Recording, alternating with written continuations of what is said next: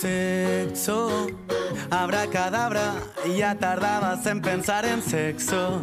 El mejor afrodisíaco son las palabras para follar contigo hasta hacernos viejos. Hola a tots i totes i benvinguts i benvingudes a Sex Sapiens, el programa universitari de divulgació sobre sexualitat. Para mí tu cuerpo ya es perfecto. Voy a acostumbrarme a tus manías y empaparte la autoestima surfeando tus estrías. No cumplo tus expectativas. Us parla Iaiza Sánchez, la conductora del programa, i no podria estar millor acompanyada amb la Mireia Sánchez, la Marina León, l'Albert Aguilar, la Judit Montón i l'Andrea Cuerva. Bona nit, noies. Bona nit. Doncs bé, com haureu identificat en aquest bona nit, eh, avui tinc amb mi a l'Andrea Cuerva i a la Marina León, però falta com la meitat de nostre equip, que són la Mireia Sánchez i l'Albert Aguilar, que no han pogut venir per motius professionals, i també la Judit, que de fet ja porta tota la temporada sense venir, però també és per motius professionals. Així que els hi manem un petonàs des d'aquí, però vaja, que avui només estem nosaltres tres a l'estudi contra todo. Com sempre, cal destacar que la que està al control tècnic, al mando d'aquesta nau, anem a dir en plan metafòricament, és l'Andrea Cuerva. Iaiza, ja prou, el- eh? Ja basta, no que me podem dir sonrojo. cada dia això, que no, Sí, abans sí. no ho fèiem. No, no, això s'ha de dir, que jo ho he vist en els programes, en plan d'altres emissores, i he dit que això és exacte. Esto en estirando el chicle no es fa, eh? Exacte, no, No ho sé, fa- però en els companys... Sí, perquè apel·len directament. És veritat, Clar, tens raó, tens raó, clar, Maria. de, perquè tu ets polivalent i ets periodista i tècnica, però hi ha gent que només és tècnica i s'ha de... És veritat, això també, també tens raó, tens raó. Avui, aquesta setmana, bueno, estem molt contentes, tot i que siguem menys, això sí que ens pesa, però tractem un tema molt interessant i una mica obert, que són les estructures familiars. Per això la Mireia ens parlarà posat al dia de la monoparentalitat amb la psicòloga maternal Lola Pastor. El reportatge de la, Marin, de, la, de la Marina, però el títol és de la setmana. La Marina ens portarà l'adopció amb el pare i activista Gustavo Martín. A Parlem-ne he xerrat amb la membre de Catalunya Abolicionista, CATAP, i especialista en ventres de lloguer, Núria González, per parlar de com aquesta pràctica explota els cossos de les dones. L'Albert a Vista Panoràmica ens parlarà de la situació actual en les taxes de natalitat. Després de Culturitzem-nos, la Judit ens portarà influencers que bueno, han fet una mica de les seves maneres de família una via de publicitat per Instagram. Tancarem el programa amb l'André i les veus del carrer, que aquesta setmana ha sortit al carrer per desmentir o confirmar els mites més estesos sobre, aquest cas, les estructures familiars. Ara sí, comencem. She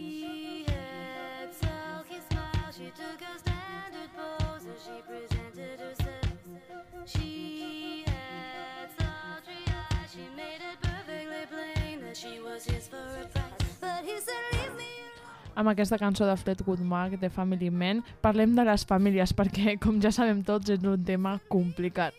Són persones a les quals normalment estimem un munt, però amb la que se'ns dona genial treure'ns de polleguera. Sí, com sigui, és l'entorn que ens cria, per bé o per malament, i els nostres primers referents. Tanmateix, la sang no és tot poderosa i així com hi ha famílies on l'amor, amb els seus altibaixos, és el que predomina, espero que aquest sigui la majoria dels casos, també n'hi ha altres que són tòxiques o que estan en entorns no saludables. De totes formes, nosaltres avui estem aquí per parlar de com es configuren les famílies. Tot i que sempre hi ha hagut una visió molt tradicional d'aquest concepte, és a dir, que el més habitual és tenir una família nuclear amb una mare i un pare amb descendència biològica, en la darrera dècada s'ha donat visibilitat a tota mena de famílies, formades per dos integrants del mateix gènere, monoparental, sense fills, un pas gegant per molts membres, sobretot de la comunitat LGTBQIA+, els quals, a més de reconèixer-los el dret del matrimoni, ara també poden formar la seva família tal com volen. No obstant això, no tot és llum i color. Hi ha mètodes normalitzats, com ara els ventres de lloguer, que fomenten la sexualització i la cosificació de la dona. I ja no tan sols això,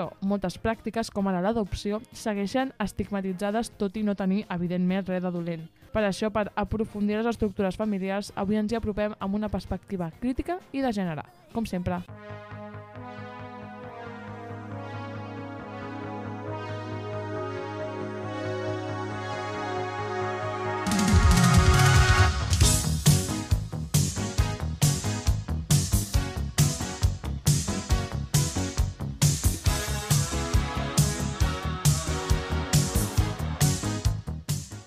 Amb aquest She Was Hard for the Money, o almenys és el que intento de pronunciar amb el meu anglès, comencem el programa d'estructures familiars i ho fem amb la Mireia Sánchez i el seu tema de monoparentalitat. El tractarà amb la psicòloga maternal Lola Pastor, però recordo que la Mireia no està aquí, així que l'escoltarem en diferit. Sense allargar-nos més, perquè tot el tema ens l'explicarà ella, us deixem amb la Mireia. Escoltem-la. Quan parlem d'estructures familiars, sovint pensem en el model de família tradicional format per una dona i un home. També pot ser que, si tenim una mirada més deconstruïda i basada en la diversitat, pensem en altres models, com per exemple els formats per dos homes o dues dones o persones a gènere. Però el que sol passar la majoria d'aquests cops és que ni tan sols pensem en les famílies monoparentals. Hem pogut parlar amb la Lola Pastor Àngel, psicòloga i mare monoparental, i ella denuncia que les principals dificultats que enfronten les famílies monoparentals tenen a veure amb la manca de recursos que els ofereix l'Estat. Per això demanen que s'igualin les seves ajudes amb les que reben, per exemple, les famílies nombroses. Tenemos que trabajar muchas horas para poder eh, mantener a nuestros hijos en buenas condiciones, eh, porque no hay ayudas eh, para madres monomarentales. Tenemos el carnet monomarental o monomonoparental, pero bueno, los beneficios que tenemos, eh, las ventajas que tenemos son mínimas, ridículas, eh, irrisorias. Eh, de hecho, si las comparas con las ventajas del carnet eh, de familia numerosa, pues bueno, es una vergüenza, ¿no? Porque es lo que decimos siempre, no, no estamos visibilizadas, no se nos tiene en cuenta. Una altra de les principals dificultats de les famílies monoparentals fa referència a la conciliació, un factor clau en la falta de temps d'aquestes caps de família que repercuteix directament en la criança de les criatures. Nuestros horarios de trabajo y nuestras jornadas presenciales pues nos limitan muchísimo eh, nuestro tiempo de cuidado y de cuidado a nuestros hijos y de cuidado a nosotras mismas. Todo, todo esto deriva en, en, bueno, pues muchas, muchos problemas a nivel psicológico, a nivel emocional, a nivel de gestión de las situaciones también con nuestros niños, porque si estamos desbordadas, estamos cansadas, pues evidentemente no gestionamos igual los conflictos entre hermanos o las rabietas o las situaciones críticas. Les dades de l'INE de l'any 2020 mostren que les famílies monoparentals van créixer un 3% respecte a l'any anterior al conjunt de l'estat espanyol, a més d'un total de 1.944.800 famílies monoparentals, la majoria, que seria un 81,4%, eren famílies integrades per una mare amb els seus fills. Un altre estudi, anomenat Famílies monoparentales, problemes, necesidades i recursos, conclou que els recursos informals, com la família, són els que més ajuden les mares monoparentals a enfrontar aquests problemes. Segons la psicòloga, el suport de la família o la xarxa de suport és clau perquè les mares decideixin ser mares solteres. Però en el cas d'aquelles mares que simplement es troben amb aquesta situació i es troben soles per raons de divorci o viduïtat, la situació és encara molt més complicada. En los casos en los que se encuentran con la situación y no tienen familiares que les ayuden, pues realmente estas madres se van a encontrar en una situación de vulnerabilidad muy importante. Y sobre todo si no tienen recursos económicos. Eh, porque al final pues eh, es como una conjunción de todo. Si te encuentras en una situación precaria a nivel económico y encima no tienes apoyo, Tal com apunta Lola Pastor, en el cas dels homes monoparentals, la situació és més fàcil, perquè tenen el privilegi de no trobar tantes dificultats en l'àmbit econòmic. La diferencia con respecto a las mujeres sería que, que cobran más, que no tienen el techo de cristal, cobran más. A nivel económico, pues su nivel adquisitivo eh, de media, de media es, es, más alto. Por lo tanto, pues, pues por ahí pueden tener eh, la ventaja ¿no? de, de, de poderlo gestionar de una forma más adaptativa. Existeix una gran manca d'informació i literatura al voltant de les famílies monoparentals, un tret que s'explica, segons la psicòloga, per raons de gènere. Eh, yo pienso, opino, que, que estamos invisibilizadas porque la mayoría de, de estas familias están formadas por mujeres, por una mujer, con sus hijos o hijas. Y ahí está la clave de que se invisibilice. Ya sabemos que, eh, que las mujeres estamos invisibilizadas por esta sociedad patriarcal en la que vivimos. Y cuando somos madres monomarentales, pues, pues también. Tot i la manca d'informació, el que sí existeix de forma generalitzada són els mites sobre aquest model de família. Tots haurem escoltat això de que es necessita una figura masculina perquè les dones som dèbils, o que és més fàcil criar una criatura eh, acompanyada que sola, o que les criatures necessiten d'una figura paterna per poder des- desenvolupar-se correctament. Pastor considera que sí que és important que els infants tinguin figures masculines que interactuïn en relacions humanes sanes amb la mare, però no creu en cap cas que aquesta figura masculina sigui necessària per sostenir una família. Y respecto a la forma de poder luchar contra estos mitos es justamente viviendo y criando a, nuestros hijos, a nuestros hijos en el día a día.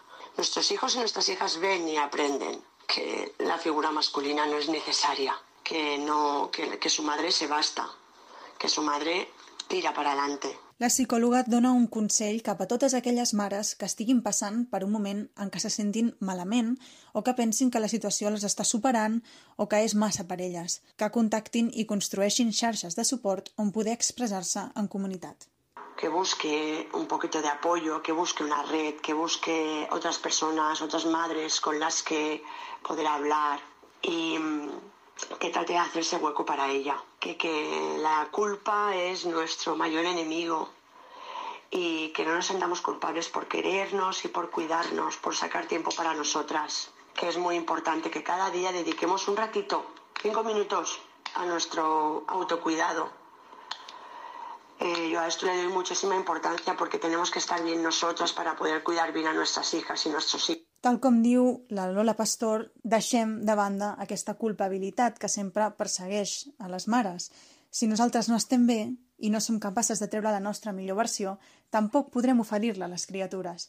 Així, des de Sex Sapiens us animem a totes a seguir teixint aquesta xarxa on poder expressar-vos lliurement i compartir aquestes vivències.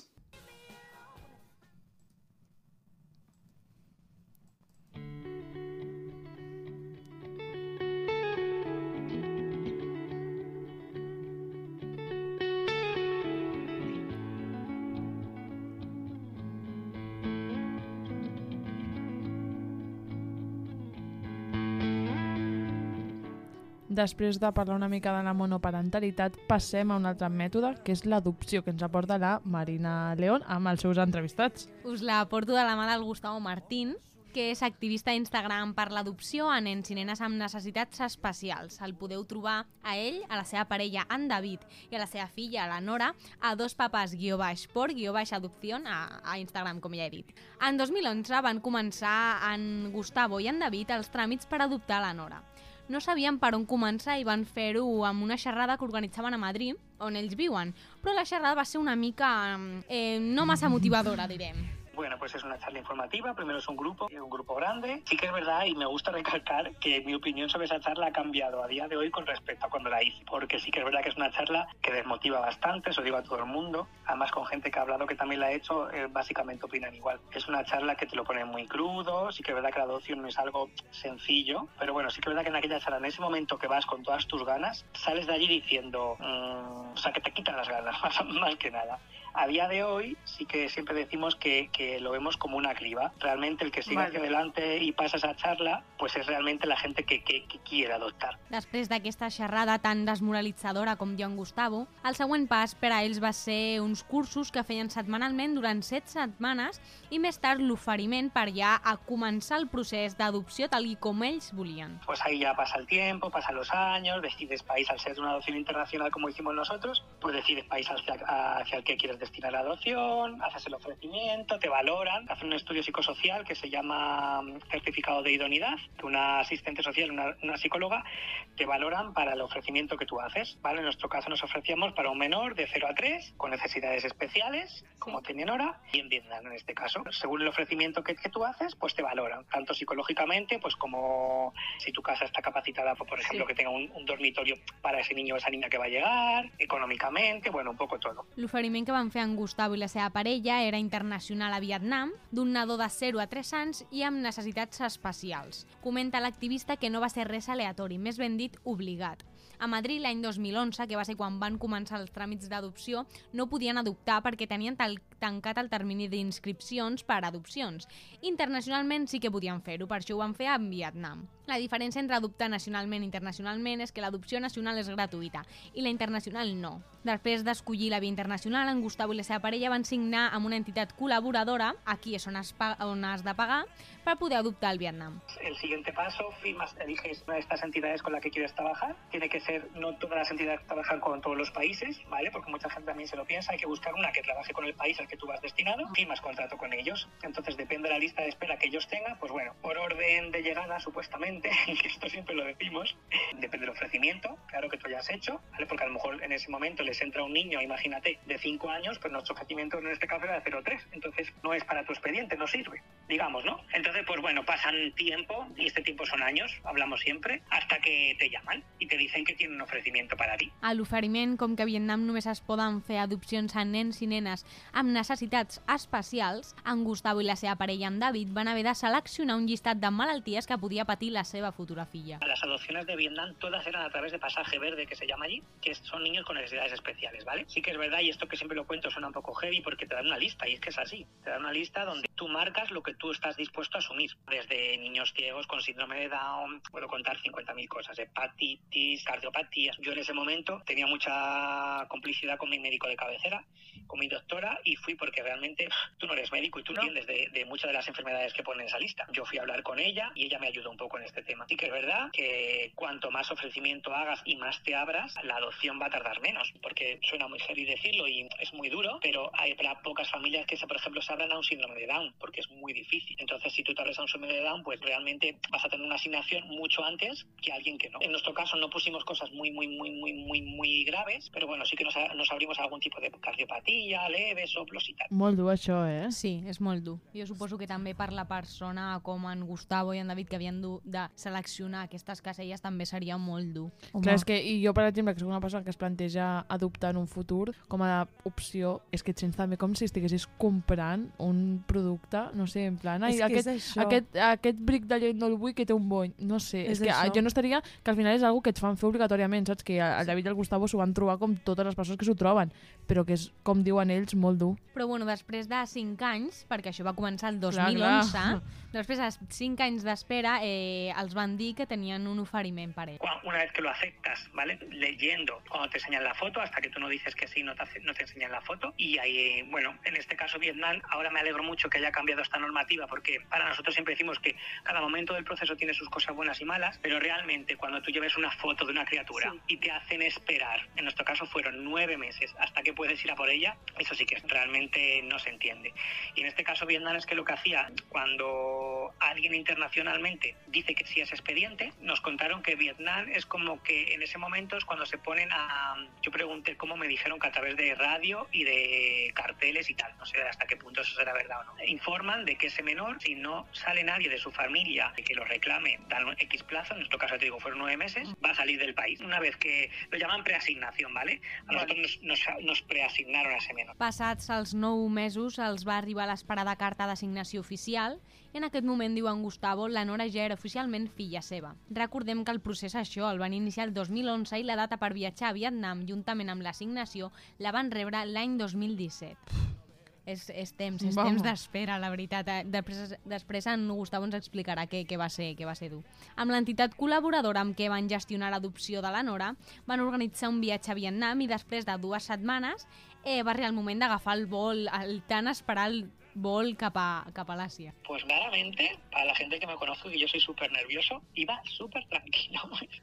Te puedo decir que no sé por qué, fui súper tranquilo. Fue como algo que después de, tardamos cinco años en el proceso, después de cinco años llegó. Y lo único que yo creo es que como tienes tantos años para masticarlo, tantos años para imaginarlo, Claro. tanto tiempo, de verdad, yo iba con tal ilusión y tal, iba súper tranquilo. I així va ser com van arribar en Gustavo i en David a l'orfenat on, on van conèixer la Nora, un nadó de 13 mesos. Vietnam, esto también depende del país, Vietnam. Nosotros llegamos a Hanoi tal que hoy por la noche y a las 4 de la mañana nos buscaron porque teníamos que coger otro vuelo interno que nos llevaban a otra zona de, de, de Vietnam. ¿no? Y desde Siria llegamos al orfanato, la conocimos allí. Ahora por el COVID sí que es diferente, están haciendo las entregas en, en hoteles y tal, pero en aquel momento tú ibas al centro donde estaba ella, veías la habitación donde ella estaba, donde había vivido, decías a la cuidadora que ella tenía, que también nos gustó mucho. Nada, pues a ver, nos vamos a mentir.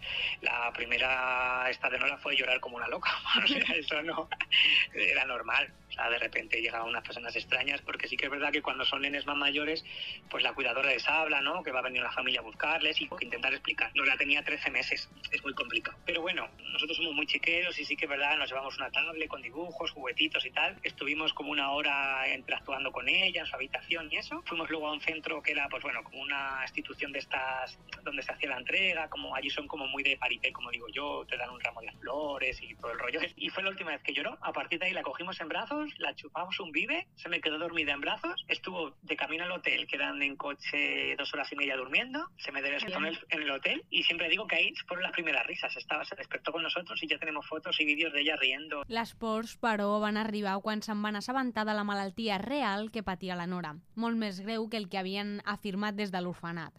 L'expedient que van ensenyar-los a la Nora era fals. Ells no sabien que la Nora patia ventricle únic. En nuestro caso, siempre lo contamos, fue un poco, no sabemos, queremos pensar que esto fue vino desde Vietnam, pero el expediente que en su día nos enseñaron de Nora no era verdadero. En nuestro caso, Nora estaba operada de corazón y nos lo dijeron aquí en Madrid, porque claro, cuando llegáramos a Vietnam íbamos a abrir una cicatriz en el pecho. Pero lo que nos dijeron que estaba operada, cuando llegamos ya con ella aquí a España en una revisión, era mentira. No era lo que nos habían dicho. Ella tenía multiplicado por 8.000 más. Nora es ventrículo único. Nora medio corazón no lo tiene formado, solo tiene un ventrículo. Entonces, pues bueno, ahí fue cuando explotó un poco la bomba. Y de primeras que una revisión que tú te crees que te van a decir, a nosotros nos habían dicho que la válvula tricúspide, que es una válvula que hay entre la aurícula y el ventrículo, dejar pasar la sangre, había nacido con ella defectuosa, le habían operado para, para arreglarla y que estaba reparado. Nosotros dijimos que no nos importaba, pensando que en esa revisión te van a decir algo así, que te digan de repente que tu hija no tiene medio corazón, que la operación que tiene hecha es porque una arteria se la han desconectado y la tiene unida a un pulmón. Bueno, Els pares volen pensar en que l'expedient el van falsificar des del Vietnam per donar-li una oportunitat a Nora de sobreviure. És el que sempre els han dit els cirurgians que, que l'han han tractat amb l'enfermetat de la nena.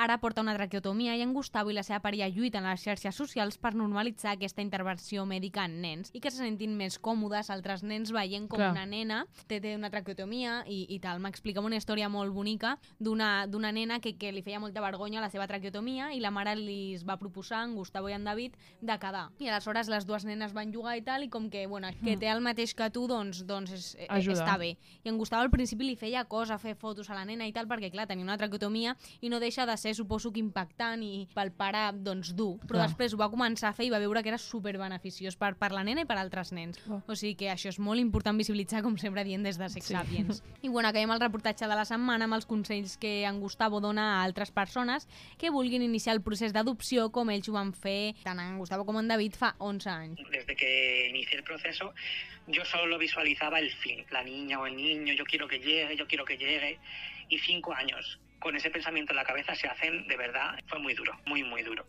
Entonces, siempre digo que el consejo es que su meta no sea el niño, sino el siguiente paso. ¿Qué toca ahora? ¿Ir a la charla? Vamos a la charla. ¿Qué toca ahora? ¿Hacer las entrevistas? Vamos a por las entrevistas, ¿sabes? Poquito a poco. Porque de verdad, si ven la meta, si, tienes que correr 25 kilómetros y ya estás imaginando cuando entras por la cinta, pues esos 25 kilómetros se van a hacer. De verdad, es lo que siempre digo. Cada pasito, cada pasito. Y suena muy raro, que luego siempre digo esto y la gente me dice, anda, anda. Al final, cuando ya todo pasa y ya estás con tu niña en, tu- con tu niño en casa, al final, de verdad, el proceso es tan duro, se echa como de menos. Fíjate, fue algo, al final lo recuerdas como algo bonito, porque también aprendes mucho. En este recorrido hemos conocido a muchísima gente. Yo sé que la gente que me oiga, que está, que está en el proceso ahora me va a decir, venga, pero de verdad al final es algo que, que enseña mucho que, y que mm, se echa como de menos. Doncs això, un missatge molt esperançador Sí. i demanant paciència a futurs pares i mares per adopció. Amb aquest consell acabem el reportatge i deixem una mica enrere l'adopció i passem a una altra, altra via molt més polèmica com són els metres de lloguer. What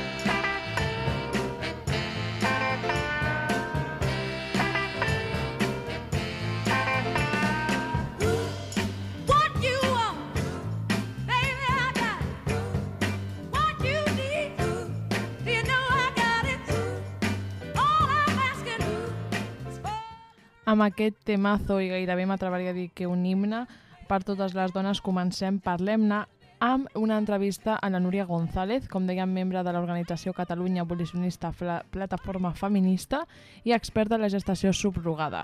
Hem xerrat sobre com aquesta pràctica suposa una via d'explotació i també de sexualització de la dona i quin paper té en tot plegat l'acció legal en el territori espanyol. Escoltem l'entrevista.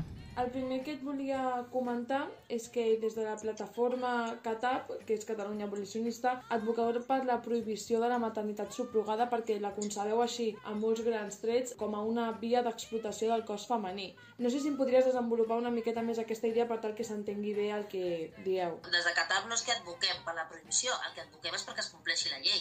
Els ventres de lloguer estan regulats a Espanya, estan prohibits. O sigui, sí. estan penats al Codi Penal, a l'article 221, estan fora de la llei de reproducció humana assistida, expressament exclosos en l'article 10 de la llei de reproducció humana assistida. Està exclòs qualsevol contracte de ventres de lloguer pel Tribunal Suprem des de 2014, que va dir que aquests contractes no podien tenir cap efecte perquè eren nuls, perquè anaven contra els drets de les dones i contra els drets dels infants i contra l'ordre públic i també al final el Codi Civil que diu clarament que mare és la que dona llum, la pare, no? perquè és un fet cert. Ah, llavors no és que nosaltres diguem cap cosa estranya, nosaltres el que diem és No, que no, totes les lleis de l'Estat conflueixen en que els, els ventres de lloguer són un atemptat contra els drets humans de les dones i dels nens, evidentment és explotació reproductiva, que jo crec que és la nomenclatura que més s'ajusta a la realitat, no? Parlem de ventres de lloguer, o jo almenys parlo molt de ventres de lloguer perquè la gent ho entén molt ràpid, però en realitat estem parlant d'explotació reproductiva de les dones, no? de fer de les dones un mitjà de producció, de fer de les dones un objecte d'una indústria de reproducció dels éssers humans i la dona no és només que un engranatge més, no? és totalment deshumanitzat i totalment cosificador de les dones. No deixen de ser éssers humans per ser, com dic, mitjans d'acció. És evident que al final la primera perjudicada del tema del ventre de lloguer és la mateixa dona a la qual Òbviament. gesten, òbviament, perquè és el que has dit, eh, fomenta l'explotació i la comercialització del cos, en aquest cas femení. Tanmateix he trobat en alguns estudis d'investigació que parlen precisament d'això, de com els ventres de lloguer són una via, com dèiem, d'explotació. També diu que hi ha altres raons que s'han de tenir presents a l'hora d'abolir, bueno, no tant d'abolir perquè a Espanya sí que és il·legal, però sí de desnormalitzar aquesta pràctica, perquè sí que és cert que hi ha molts sectors que encara volen apostar. Alguns d'aquests efectes també són els danys psicològics o els tràfics de persones. No sé si també m'hauria de És que, comentar. és que els ventres de lloguer són tracte de persones. Mm. Hem de començar a parlar del que és. El ventre de lloguer són tracte de persones. Les persones es transfereixen unes a altres. És, és això, el, els ventres de lloguer. No ens importa si són persones de 20 anys o persones de 20 dies o de 20 hores. Al final són persones que són transaccionades a altres persones perquè han signat un contracte. Fixa't si et dic una cosa, ens és igual si hi ha diners pel mig o no. Els diners el que formen és el negoci. Però des d'una perspectiva dels drets humans, les persones mai no poden ser objecte de contractes. Cap persona no es pot vendre, però cap persona tampoc no, no es pot regalar. M'explico? Perquè les persones són indisposables. Tu no pots disposar d'una persona i dir, mira, aquest- aquesta persona te la regalo. Ni tan sols encara que siguis la seva mare. Mares donen a llum persones, no donen a llum propietats. Llavors tu, amb els teus fills, evidentment no pots fer el que vulguis, perquè si no, doncs els podries matar, els podries esclavitzar, en base de que tu ets la seva mare i ets la, la seva propietària, no? Les dones van lluitar molt de temps perquè se les reconeixés com a mares, perquè se les reconeixés el dret de la pàtria potestat sobre els seus fills, el dret de la guàrdia i custòdia sobre els seus fills que no se'ls va reconèixer fins al 82, o al 81. I ara de sobte volen que tornem a ser propietàries com a l'època romana de la pàtria potestas, no? que Sí. el pare de la família feia el que volia amb els fills, o inclús abans del 82, que els pares, els homes, pares de família, podien inclús donar en adopció als nens sense que les mares tinguessin res a dir. No? Doncs ara hem, hem assolit l'estatus de mare i l'estatus de mare no té res a veure amb l'estatus de propietària. Hem de defensar aquest estatus i defensar que els nostres fills les nostres filles són això, els nostres fills, no els nostres productes que podem vendre o regalar. No? Llavors, partint d'aquesta base, que no hi ha més que discutir. Si ens movem en la, amb el marc dels drets humans que ens movem ara, la Convenció dels Drets Humans, la Convenció dels Drets dels Nens, la Convenció d'Estambul de la contra la violència contra les dones i més, les dones no es poden comprar ni vendre ni llogar i els infants no es poden ni comprar ni regalar. No? És que no hi ha més que ve després. Són efectes col·laterals molt greus del que pateixen les dones que es presten a ser ventres de lloguer, perquè clar, cap dona que no tingui una necessitat aberrant a la seva vida, per ella o per algú de la seva comunitat, es presta a ser un ventre de lloguer. No? Això és un negoci, i ara ja entrem a parlar del negoci, que es fundamenta només i exclusivament en la pobresa femenina. Llavors no només estem parlant de la cosificació de les dones, sinó que estem parlant de la cosificació de les dones pobres. Un dels arguments per fomentar doncs, o per sostenir aquest pro ven- ventres de lloguer és que al final és una decisió lliure, però es pot parlar d'una decisió lliure quan es fa en una situació de precarietat? Menjar o no menjar és una decisió lliure? Clar. Evidentment no. O sigui, sobreviure o no sobreviure és una decisió lliure. Pagar la factura del metge potser, potser als Estats Units, no? que ens ho posen sempre com no, un país de drets, no sé què. Als Estats Units no existeix l'estat de dret. No? Si tens Clar. diners, tu pagues, i si no, no. no. Pues pagar un tractament per un càncer a un fill és una decisió lliure o no lliure? Òbviament no és lliure. Sempre hi ha una situació d'angoixa de les dones que es presten a ser ventres de lloguer. I si no, no ho farien, perquè proves tenim. No trobem mai ninguna dona rica i benestant que es presti a ser ventre de lloguer per una dona pobra. Estem parlant de complir desitjos de gent que se la pot pagar. Si no te la pots pagar, tampoc tens aquest dilema. No pots i ja està. M'explico? Llavors, és una indústria criminal que explota reproductivament a les dones i que es basa exclusivament en la pobresa femenina, amb la qual té tots els elements per tatxar-ho específicament de violació dels drets humans. Tot i el que estem comentant, hi ha molts col·lectius, especialment LGTBQIA+, que al final ho conceben com una solució per ser pares, tot i que estan en una situació il·legal dins d'Espanya, com ha comentat, Ciutadans el 2019 ho va proposar al Consell una regulació dels ventres de lloguer. Quina opinió té d'aquest fet? Ho concep com un retrocediment en els drets humans? Em sembla que va ser el 2017 i m'agrada molt puntualitzar que va ser Ciutadans que el va ser recolzat per al PNB i per Esquerra Republicana. que Això no ho diu mai. Eh, Mira, jo això no ho sabia, però és un, bueno, és un apunt. vale? És un apunt. És un apunt a tenir en compte, sí. òbviament, o sigui, però això, fixa't tu que aquesta proposta de Ciutadans tenia una cosa molt específica, que era que prohibia que entre la gestant, entre cometes, no, i la gent que pagava per al fill es coneixessin. De tots els casos que hi ha al món, si alguna vegada ha hagut alguna cosa així sense diners pel mig, ha sigut entre, entre gent que evidentment es coneixia, entre amigues, família, jo què sé, coses molt rares, no? que jo no dic que estigui bé ni que es pugui acceptar, però que en alguna vegada que no hi ha hagut diners sempre s'ha hagut donat aquesta circumstància. Òbviament, aquesta llei no protegia res més que el negoci, perquè si es prohibia que es coneixessin entre la mare gestant, entre cometes, i qui havia de pagar per aquest fill, el que estava promovent era tota la indústria de les agències, dels metges, de la reproducció assistida i de més, perquè hi hagués algú que guanyés diners, perquè si jo et coneixo tu, tu i jo ens posem d'acord i aquí no entra ningú, quina gràcia té? O sigui, això no, això no genera diners. M'explico? Llavors, el que estava protegint aquesta proposta era una indústria dels ventres de Per acabar una mica m'agradaria preguntar-li per què creu que la gestació subrogada, tot i els arguments que s'han dit en l'entrevista, és una pràctica que ha estat i encara continua estant normalitzada. precisament pels diners. El 2018 els ventres de lloguer van moure més o menys al món que se sàpiga, perquè clar, les dades també són molt oscures, no? però uns 6.500 milions de dòlars en un any. Mm. Stop Surrogancy treu dades que diu que el 2045 estarà movent 35.000 milions de dòlars. Estem veient ara la guerra d'Ucraïna, per exemple, com les dones que estan fent de ventres de lloguer han sigut ficades a búnkers i aeris per protegir la inversió tant de les agències com de qui compra aquests nens. Evidentment, el que hi ha darrere d'aquesta existència és poder legalitzar una indústria que donaria molts diners, inclús als estats ens donaria diners perquè podrien cobrar impostos d'això, no? Que és el mateix, més o menys és, el mateix dilema, entre comilles, no és el mateix discurs que qui aboga per legalitzar la prostitució com si fos una feina, Sí, no? Que és una sí. l'altra cara de la mateixa moneda que viola tots els drets humans de les dones, que engloba totes les violències contra les dones i tot i així hi ha qui diu que pot ser una feina i hi ha estats que cobren impostos de l'explotació sexual de les dones tan dur com així sona. No? Llavors el que hi ha darrere de tot això és una motivació estrictament econòmica. Això ha sigut una mica tota l'entrevista. No sé si voldria afegir alguna No, jo cosa. crec que està molt bé, ja, ja està.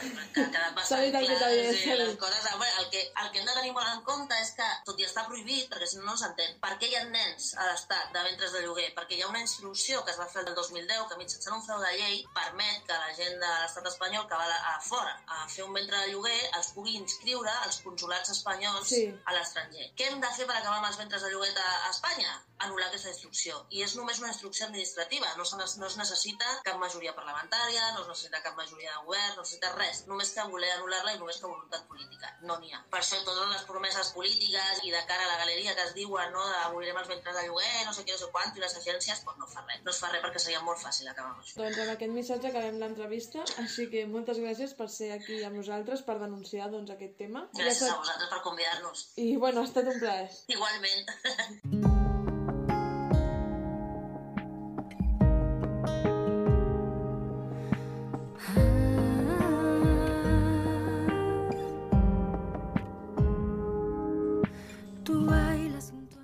Doncs avui, com dèiem, l'Albert Aguilar no està aquí amb nosaltres, però ens ha deixat la secció ben preparada perquè al Vista Panoràmica l'Albert ens parlarà de la situació actual que té la natalitat. No ens allarguem més i us deixem amb l'Albert. La població mundial està decreixent pel que fa a nous naixements.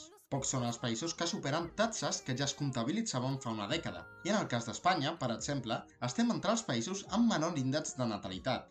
Els últims pronòstics de població publicats recentment a la revista britànica The Lancet assumeixen que la població mundial per l'any 2007 serà de només de 8.800 milions, això és només 1.000 milions més que avui. Només basta donar un cop d'ull a les xifres per adonar-nos que cada any es produeixen menys naixements, i això s'hi ha sumat la pandèmia de la Covid-19, que també ha provocat que hi hagi menys natalitat. Per exemple, els naixements xinesos van caure un 18% l'any passat fins a arribar al seu nivell més baix des de l'any 1961 i la taxa de natalitat als Estats Units va disminuir un 4%, caient també al seu nivell més baix des de 1979. Només alguns països i continents continuen augmentant les seves taxes de naixements i, de fet, Àfrica se situa en el primer dels continents amb major nombre de naixements. Els països amb més natalitat del món es troben a l'Àfrica. Exemples d'això són Níger, amb una mitjana de 7 naixements per cada dona, Somàlia, amb una mitjana de 6,1 naixements per cada dona, i el Congo, amb una mitjana de 6 naixements per cada dona. Les taxes elevades del continent africà fan que la mitjana mundial d'edat de primera maternitat se situï en torn als 19,7 anys. A més a més, és important destacar que els 20 països amb l'esperança de vida més baixa es troben en Àfrica, i són Lesotho, República Centroafricana i Sierra Leona. Pel que fa a Espanya, és el tercer país amb una major esperança de vida en el món, només per darrere de Suècia i el Japó, però les seves xifres de natalitat no són res esperançadores. De fet, els països amb els índexs de natalitat més baixos són els europeus i Espanya es troba entre ells, ja que és el tercer país amb menys natalitat en el món, amb 8,5 naixements per cada 1.000 persones, una mitjana d'1,33 naixements per cada dona. I per últim us deixaré una pregunta. Quins creieu que són els factors de la baixa natalitat que tenim avui dia a Europa? Doncs, sí, de que recuperem aquí, us llenço la pilota a vosaltres.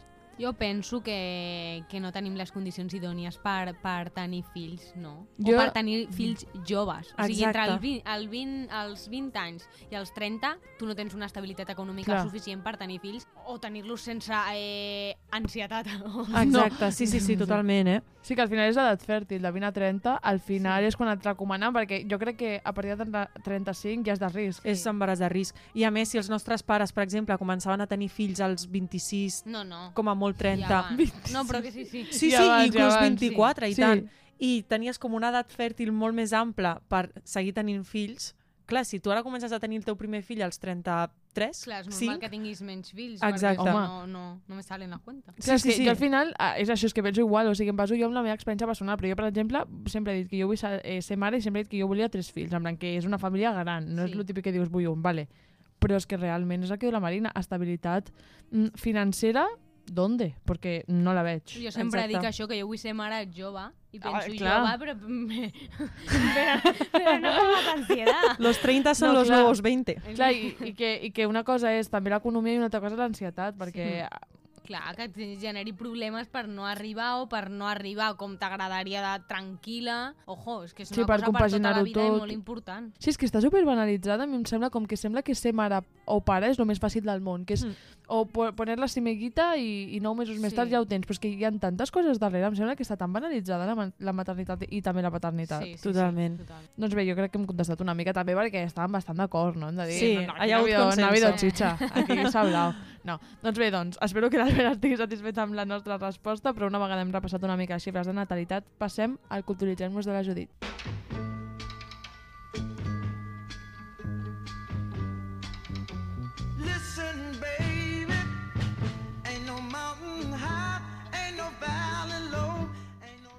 No river. amb aquest temazo que he de dir que l'hem escollit entre la Judit i jo perquè a mi em recorda molt a la meva família. I ella m'ha dit, Bueno, vale, perquè sí, del rollito. Bueno, sí, no sé. Amb aquest temazo de No Mountain Hike, bueno, com inglès de Navarrete, passem a la Judit Montònia, que utilitzem-nos, que aquesta vegada ens ve a, a parlar d'estils de famílies dins del món de les influencers. Escoltem-la. Bona tarda, noies. Jo avui us porto els diferents tipus de famílies que existeixen, amb exemples de persones reconegudes a les xarxes. El debat sobre si és adient o correcte que els pares i les mares mostrin els seus fills a les xarxes socials és molt extens i ha quedat demostrat que a Instagram cadascú té una opinió completament diferent. Comencem per la família nuclear, la típica i tòpica, una parella heterosexuals amb fills o filles. En aquest cas trobem la sexòloga Sonia Encinas, que ha centrat gran part de la seva divulgació sobre sexualitat en la maternitat. Juntament amb la seva parella, el Sergi, mostren sovint el seu fill, el Noah, que ara ja té dos anys i mig. Les famílies homoparentals o homomarentals cada cop tenen més presència a la xarxa. La Marina ja us n'ha parlat d'una homoparental i ara jo us parlaré d'una homomarental. La Verònica, del conte O Mami Blue, té una relació amb la Jana des de fa més de 15 anys i tenen un fill en comú, l'Àlex, a qui ensenyen sovint a les xarxes socials. He de reconèixer que el nen és moníssim. Elles dues lluiten pels drets de les parelles homosexuals, com per exemple contra l'obligació de casar-se per poder escriure al registre del fill amb amb dos cognoms, cosa que no passa amb les parelles heterosexuals, que poden ser parelles de fet. De famílies monoparentals o monomarentals se'n veuen poques, però són més habituals del que ens pensem. La Laia, entre comilles, és una sociòloga que va decidir ser mare soltera i publica al seu compte d'Instagram gairebé sense filtres la criança de la Gina, la seva filla petita d'un any i mig. A més, visibilitza que la maternitat no és cap cosa fàcil ni idíl·lica com la pinten a vegades a les revistes de premsa rosa o a les pel·lícules. No sóc gaire fan d'aquest nom, però ara parlarem de les famílies reconstruïdes, és a dir, una parella heterosexual o homosexual en què els dos o un dels dos tenen fills de relacions anteriors.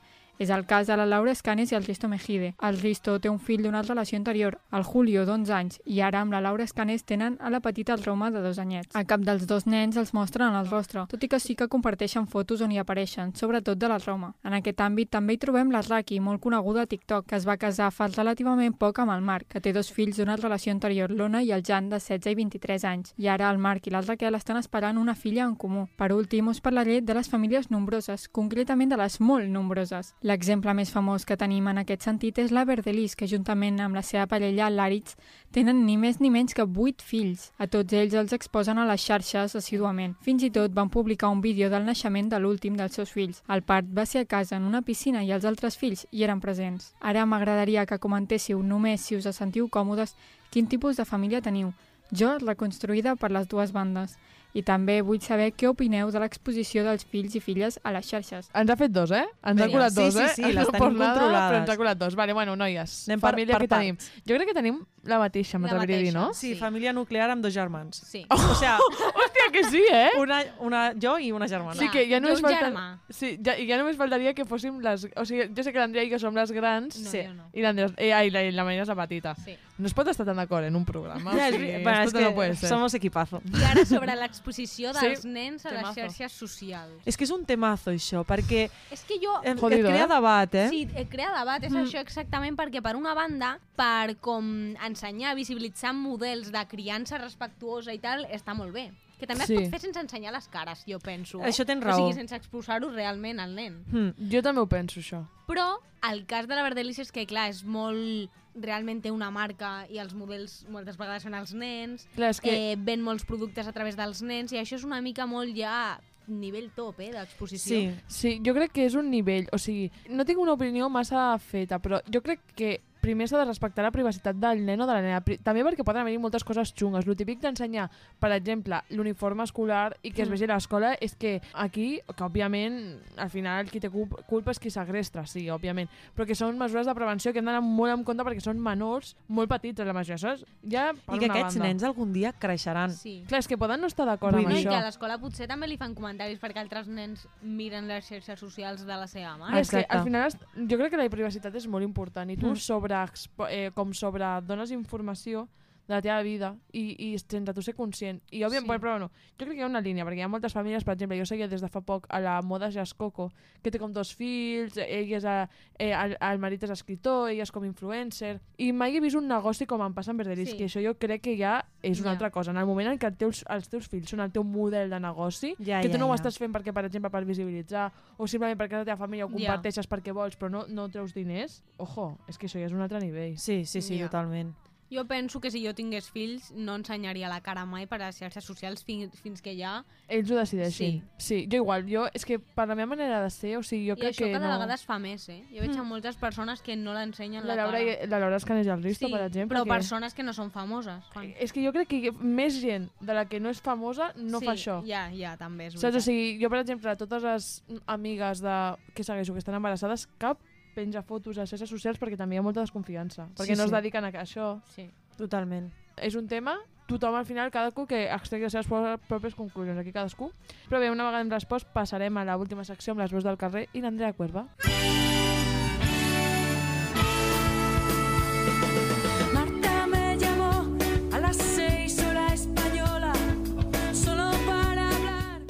Que temazo, aquest. que- Sí, m'encanta. Ja l'he posat pensant en vosaltres, eh?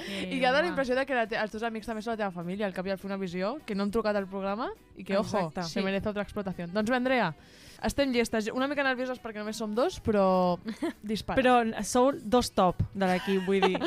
Va, a tope, a tope.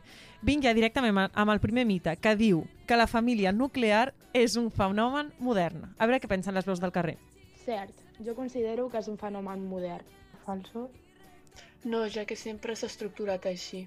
Mm. Jo penso que és Sí. fals. Jo igual, jo o estic sigui, d'acord no amb sé què l'últim. entenem per modern, no? Modern O sigui, en el quan- sentit que és bastant No actual. crec, Ah, jo, no, no. Jo no crec que sigui nou en tant que és la tradicional de tota la vida, entre cometes. Sí, però abans no. Abans o no? sigui, hi ha moltes tribus que no s'estructuren ah, mm, sota el model nuclear. Oh, ja, vale, però estem parlant de eh, no sé quants vale, vale. milions d'anys enrere. 20 anys enrere, vale. Exacte, no. O sea, ara lo moderno No és era el paleolítico. Vale, la família nuclear que no. no és un fenomen modern, dieu. No, eh? Ah, pensava que era la La Lleida no sap ni què és resposta. La, la Lleida està desubicada. S'ha posat Sí. nerviosa, eh, la pressió. clar, és que dic un moment. No, dieu que la família nuclear Exacte. no és un fenomen exacte. modern. Doncs pues jo us diré que, efectivament, la família nuclear sí és un fenomen Pel que jo he dit. nou. Hi ha moltes persones, com per exemple la Marina, que pensen que a la societat occidental aquest tipus de família no ha sigut el més comú durant l'últim segle. Per aclarir-ho, tot i que segur que ja ho sabeu, perquè s'ha creat aquí una, un Bueno. petit debat.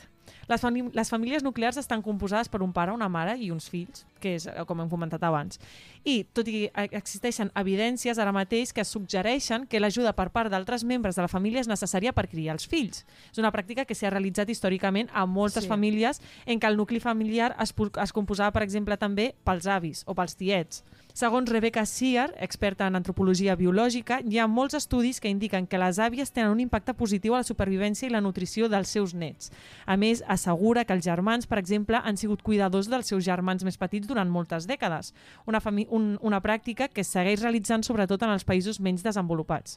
Tot això ha anat canviant amb la millora de la salut, l'allargament de la vida, el desenvolupament, el desenvolupament econòmic i tot això ens ha portat a que ara sí es pugui tenir un model de família nuclear en què hi ha Ah. pare, mare i fills. Jo crec que ha sigut un error de concepte, aleshores, per la meva part, i Clar, per no caure en he- altres circumstàncies. Jo no he tingut en compte que el tema de la família té a veure amb la criança, amb Clar, qui cria. jo he tingut un punt de O vista molt biològic. cuida. Ens, sí, ens referiríem Clar, ens com al nucli familiar. Mm. Sí, nucli d'educació, Té sentit. bàsicament. Clar, clar, clar. Té sentit. Sí. Té sentit. Vale, passem directament ja al segon mite, picadet. La infecunda, infecunditat, o sigui, el fet de no tenir fills, és un factor pel qual les estructures familiars han canviat.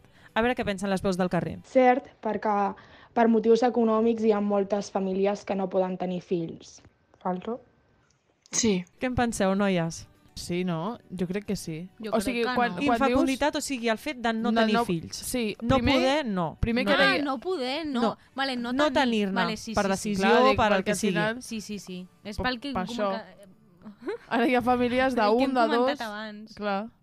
Doncs Amb el tema de la vista panoràmica. Ah, Exacte, és totalment cert. No és l'únic factor que ha provocat aquest, aquest canvi, però és un d'aquests, perquè el fet de no tenir fills provoca que hi hagi moltíssimes famílies al final que es composen per una parella, sigui Sí. sí. mare-pare o... Bueno, Clar, és que això és Home, una dona. família també, eh? és una família totalment. Que tenim molt al nostre imaginari que les famílies són amb fills i no cal. Clar, clar, és que això és un, un error d'imaginari col·lectiu. Totalment. A més, hi ha famílies que es composen per home-dona o dona-dona, home-home i gos.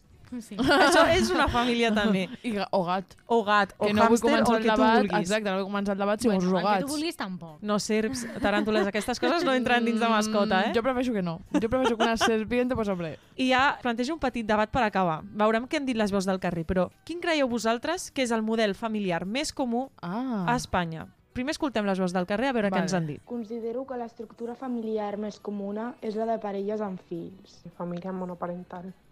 Eh, a Espanya jo crec que sonen sobretot encara la típica, la nuclear. Sí, jo estic d'acord, la Jo nuclear, també. en plan, sí. Val. sí, sí. no havia de Hi afegir ha res hagut més. una només que ha dit monoparentals. Sí. Mm, no estic gaire d'acord. O, o sigui, monoparental entenem per un pare amb un fill. No crec que sigui el més habitual. Jo penso que nuclear. Que m'estic guiant molt pel meu seu entorn, al final les coses s'han de dir, també. però jo crec que nuclear. No, no, doncs esteu totalment en lo cert. Ah, En vale. concret, eh, el que predomina és la parella amb un fill. Un fill? Sí, Un només un fill? fill. Seguidament A veure, que és... no volem imaginar ningú, però un fill... Ara us ho, voldria, us ho volia preguntar, perquè vosaltres creieu que el format de família nuclear té com un futur? Vull dir... Com, com un futur? Ah, tal Clar, com només- explicàvem abans, Clar. les situacions econòmiques, les situacions socials estan canviant moltíssim. Ara mateix és molt més complicat tenir molts fills. Abans lo normal era tenir quatre fills. Ara, com bé diu aquest estudi, és un. Normalment les parelles tenen un únic fill. Però d'aquí a un futur, creieu que poder es reverteix i el model familiar més seguit és el de parella? Clar. És possible, Bueno, i sobretot tenint en compte... sigui. Clar, no, però sobretot tenint en compte la baixa natalitat. En plan, tot el Exacte. pes recau sobre tu, perquè tu potser Ja. pots no tenir fills i ser la més germana que jo tinc. És com que el llinatge continua. Bueno, el directe, clar, si tens cosins i tal, ja no ens posarem aquí a pensar. Però és possible.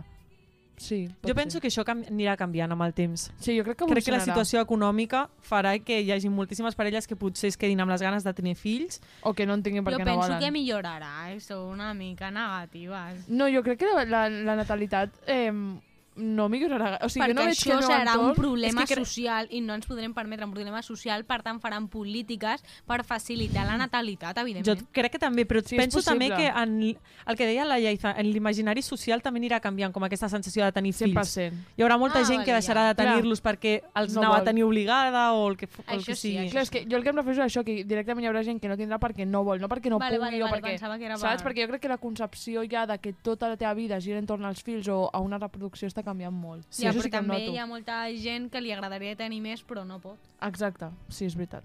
Tot això és, bueno, si, ens, si aquí comencem a, a, A divagar. a divagar no acabem mai, així que deixarem aquí el debat. Moltes gràcies, com sempre, a l'André i la Marina, que estan aquí a l'estudi, però també els demano un petonàs a l'Albert Aguilar, a la Judit Montón i a la Mírica Sánchez, i de pas, també dono una salutació, com ens, com ens anem apuntant més, això serà més llarg que el programa, però sempre s'ha de dir els crèdits, així que eh, també vull saludar a l'Anna Biosca i a la Paula Tolosa de xarxes i a la Lucía Noal de producció, i ara sí, ens acomiadem, així que ens veiem la setmana que ve i que acabo de passar una bona nit.